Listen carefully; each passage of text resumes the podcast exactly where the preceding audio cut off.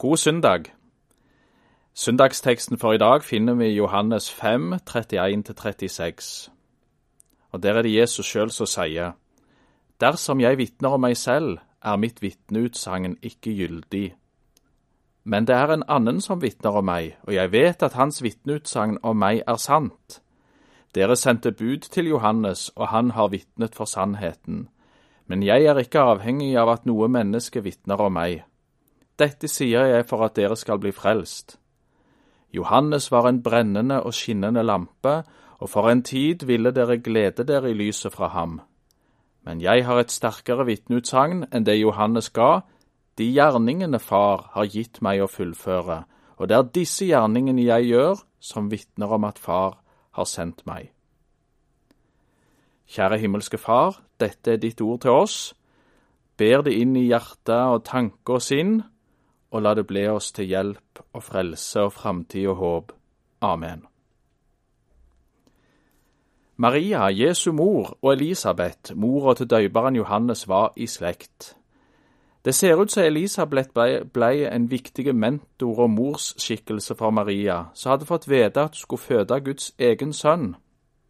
Maria var på et slags kurs, ei forberedelsestid i heimen til Elisabeth.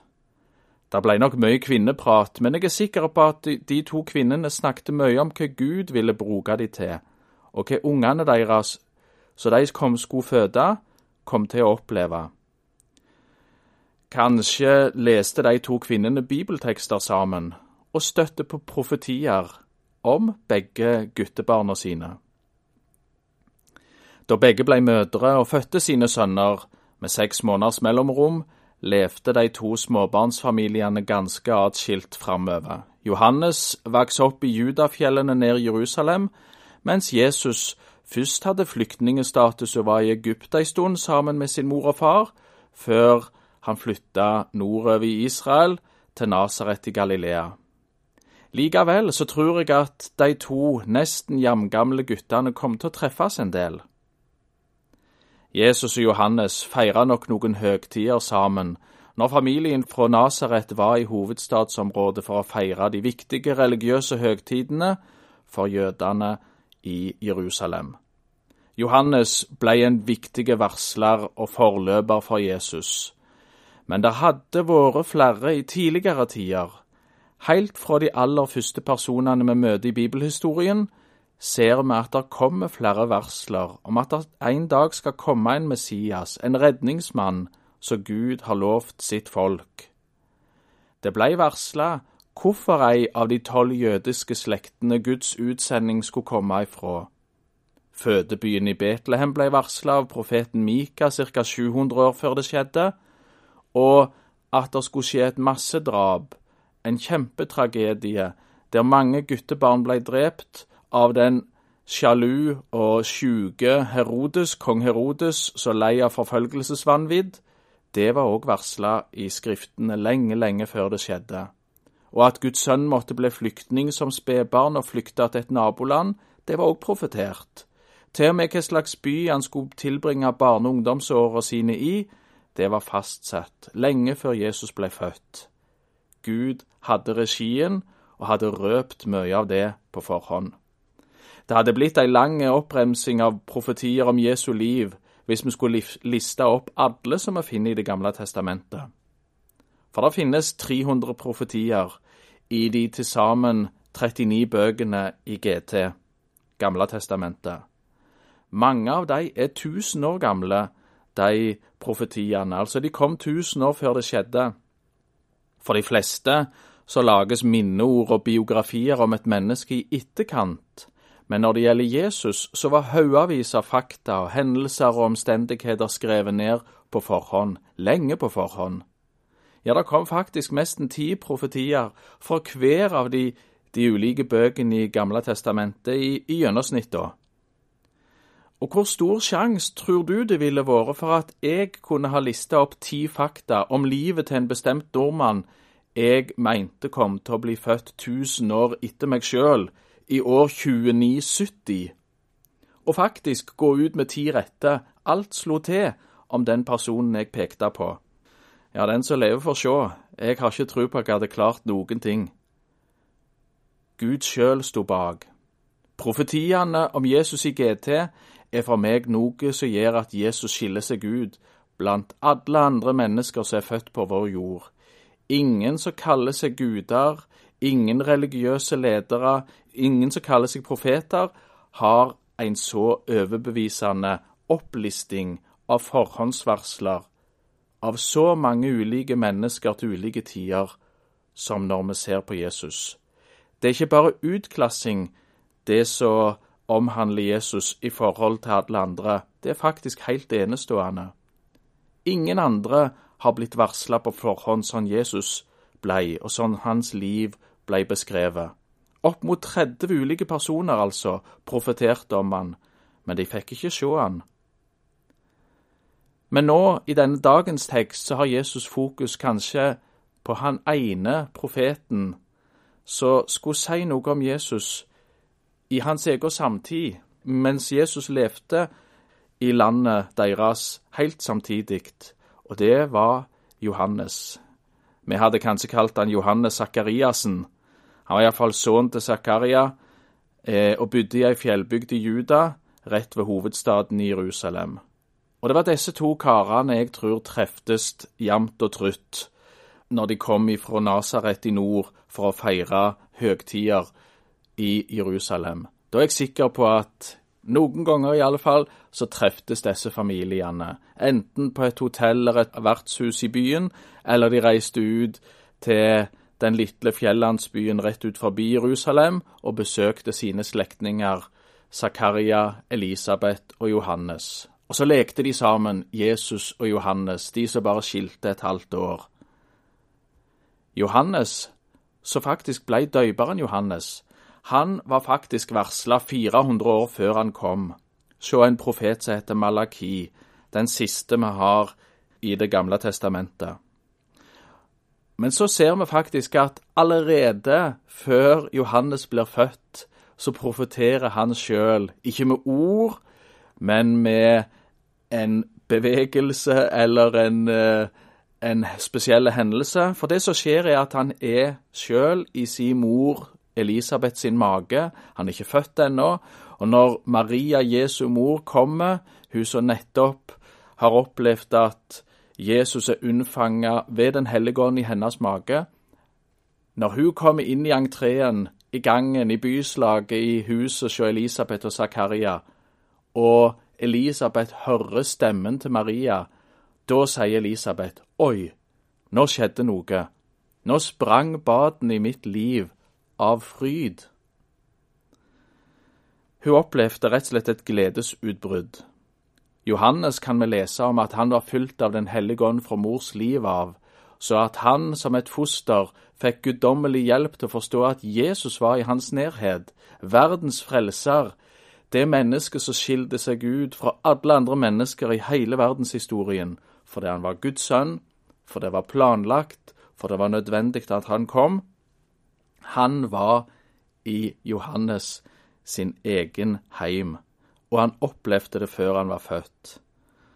Dette tror jeg at Maria, hun som sto der og ble vitne til Elisabeth sin beskrivelse, jeg tror Maria gjemte dette i hjertet sitt. Det hadde hun for vane for. Hver gang hun hørte noe viktig, så prøvde hun å memorere det, gjemme det i hjertet sitt, ta det med seg, for dette var noe viktig og det tror jeg hun gjorde med denne hendelsen òg. Derfor har man beskreven i Bibelen i Lukasevangeliet. Jesus, han sa om slektningen sin i dagens tekst, om Johannes. Johannes, en brennende og skinnende lampe, og for ei tid ville dere glede dere i lyset fra han. Johannes dreiv en slags eh, virksomhet ute i ørkenen. Han hadde disipler med seg. Han hadde unge gutter som han lærte opp i sin gjerning. Det kan se ut som han drev en slags kursvirksomhet, undervisningsopplegg, kanskje retreat, kanskje sjelesorg. Han tok imot mennesker, prøvde å gi dem håp, prøvde å tenne gnisten i dem, prøvde å hjelpe dem til et godt gudsforhold. Og Dermed hadde han disipler som han lærte opp i den samme tjenesten. Og mange reiste, sier Jesus sjøl, for å se Johannes, for å høre han. Han drev en god skolevirksomhet. Ryktene gikk, og mange tok et kurs, noen gode studiedager, fikk hjelp og fikk gode samtaler med Johannes eller noen av hans disipler. Han var en brennende og skinnende lampe. Han gjorde det godt, han viste godhet og omsorg. Han spredte håp, lys og glede. Men så skjedde det at en dag så står Johannes Kanskje han underviser, kanskje han holder en samling, og dette skjer utendørs antagelig, for så blir han oppmerksom på at over en haug eller en hammer litt bort forbi, der ser han en han drar kjenselen på. Og idet han nærmer seg, så roper han så alle som hører han, legger merke til de ordene. Han roper ut som en profeti, som en beskrivelse, som et veldig viktig kjennetegn på hvem Jesus virkelig var. Og så sier han, se der Guds lam som bærer verdens synd. Og så pekte han på Jesus. Jesus har fokus på at han var varsla, at det var mennesker, profeter, Guds ord, som varsla om han, som talte om han, og som beviste at han var en del av Guds plan, at det var planlagt at Guds sønn skulle komme. Men nå leder Johannes oss inn på det som Jesus faktisk har med i avslutningen av dagens tekst, der Jesus sier at det er noe som er enda sterkere enn at jeg var varsla på forhånd, at det var profetier, at det var budskap om at jeg skulle komme på forhånd. Det er noe som er enda sterkere, og det er de gjerningene jeg gjør. Og Jesus gjorde utrolig mange spennende gjerninger. Heller ikke de kan jeg liste opp. Det hadde blitt en lang tale. Du må lese evangeliene sjøl. Og så ser du alt det Jesus gjorde. Og Så vil gjerne du òg finne noe av det som iallfall jeg sitter igjen med etter å ha lest, og tenke Jesus, du gjorde så mye for andre mennesker. Du likte å hjelpe, trøste, samtale, tenne håp. Du likte å peke på urettferdighet, avsløre de som hadde vonde hensikter, de som bare var ute etter å trø andre mennesker ned. Du avslørte deg. Du sto opp mot de som hadde vonde hensikter. Jesus, du var så opptatt av å hjelpe enkeltmennesker. Ta hånd om mennesker sin nød og sin smerte. Tenne håp. Du var opptatt av å lære opp disse unge guttene du hadde med deg. Du brukte tid på enkeltmennesker, Jesus. Det var dine gjerninger. Mange hadde nok forventa at Jesus skulle bli en, en enorm krigsfører en ny Alexander den store, en ny Napoleon, en ny militærleder som skulle skrive seg inn i historien, som oppretta et verdensrike der Jerusalem og Israel kunne herske over enorme landområder. Det hadde vært noen gjerninger som hadde skrevet seg inn i historieboka, men Jesus sine gjerninger var annerledes. Planen med Jesu liv var å ta seg av enkeltmennesker. Komme tett inn på mennesker. Møte de, prege de, undervise de, og føre de så tett inn i sin nærhet at han kunne, at han kunne få være deres håp, deres frelser og deres nærmeste venn. Jesus gjorde vel. Han elska mennesker. Han lufta opp de undertrykte. Og så endte han på et kors med sine utdrakte hender, så han ofte hadde rakt ut til de nødstedte, de som hadde det vanskelig, de som trong ei hjelpende hånd. Nå ble hans hender festa til korset. Og alt dette forteller Jesus. Jeg gjør det for dere. Jesus ga sitt liv for oss. Han lei tålmodig korset. Og han så fram til gleden, forteller Bibelen. Derfor så hong han tålmodig på korset, utholdt den smerten. Og så kom den dagen, altså, som jeg kaller for langfredag, engelskmennene kaller Good Friday, så er en av ja, så er verdenshistoriens aller, aller viktigste dag. Den dagen da 29 profetier om Jesus ble oppfylt på samme dagen. Små detaljer, ulike detaljer av hendelser den dagen. Det ble oppfylt. Det var et klimaks. Det var det viktigste. Det var det Jesus kom for å la seg henge på et kors. Gjerninger, en hendelse, et kors som mange ikke forstår, men som faktisk er det aller, aller viktigste. Som forteller oss hvem Jesus virkelig er. Han som tar vår synd og skyld og straff. Nagler den til korset. Soner straffen. Og så skal ingen av oss måtte ta straffa for vår egen synd og skyld, for våre egne feiltrinn, for all vår egoisme, for alt det vi har gjort galt. Vi skal slippe å ta den straffen. Jesu gjerninger, de gjorde han for oss. Og det ble gjort på en måte som mange ikke forsto, men de har hatt den sterkeste effekt så noe mennesker har, har klart å sette i verk i vår verden. Jesu kors har ført millioner og milliarder av mennesker til håp, til lys, til fred, til framtid, til frelse. Verdens sterkeste gjerning, gjort av en mann som ble nagla til et kors. Jesus ga livet for oss. Og så avslutter vi med å lese fra Johannes 5, fra vers 37 til 40, der det kommer noen vers etter det vi leste som dagens tekst, der Jesus har en viktig påminnelse til oss. Ja, Far som har sendt meg, har selv vitnet om meg. Hans røst har dere aldri hørt, hans skikkelse har dere aldri sett, og hans ord lar dere ikke bli værende i dere, for dere tror ikke på den han har sendt.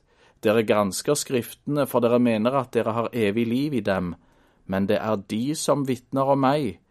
Likevel vil dere ikke komme til meg, så dere kan ha liv. Jesus forteller at det er mange som leser bibelvers. Det er mange som leser nydelige avsnitt i Guds ord. Noen er interessert i den nydelige poesien. Andre liker fortellingene, for de liker spennende fortellinger.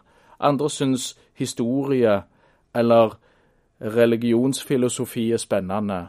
Det er mange måter, eller mange motiver, for å lese Guds ord. Men Jesus sier at hvis du skal lese Bibelen, hvis du skal lese Guds ord, profetiene, evangeliene, om hvordan dette ble oppfylt, det som var profetert, så leid etter mannen mellom linjene. Leid etter Jesus, for han finnes der. Og det har skjedd med så mange mennesker. De har lest Guds ord, de har lest i Bibelen, og så møtte de Jesus. Så ga de livet sitt til han, og så ble de frelst. Jeg håper du har den innstillingen når du leser Bibelen, når du leser Guds ord. Når du skal feire jul dette året, at hver gang du hører noe lest ifra Bibelen, ja, så vet du at mellom disse linjene så er Jesus, og han vil jeg ta imot.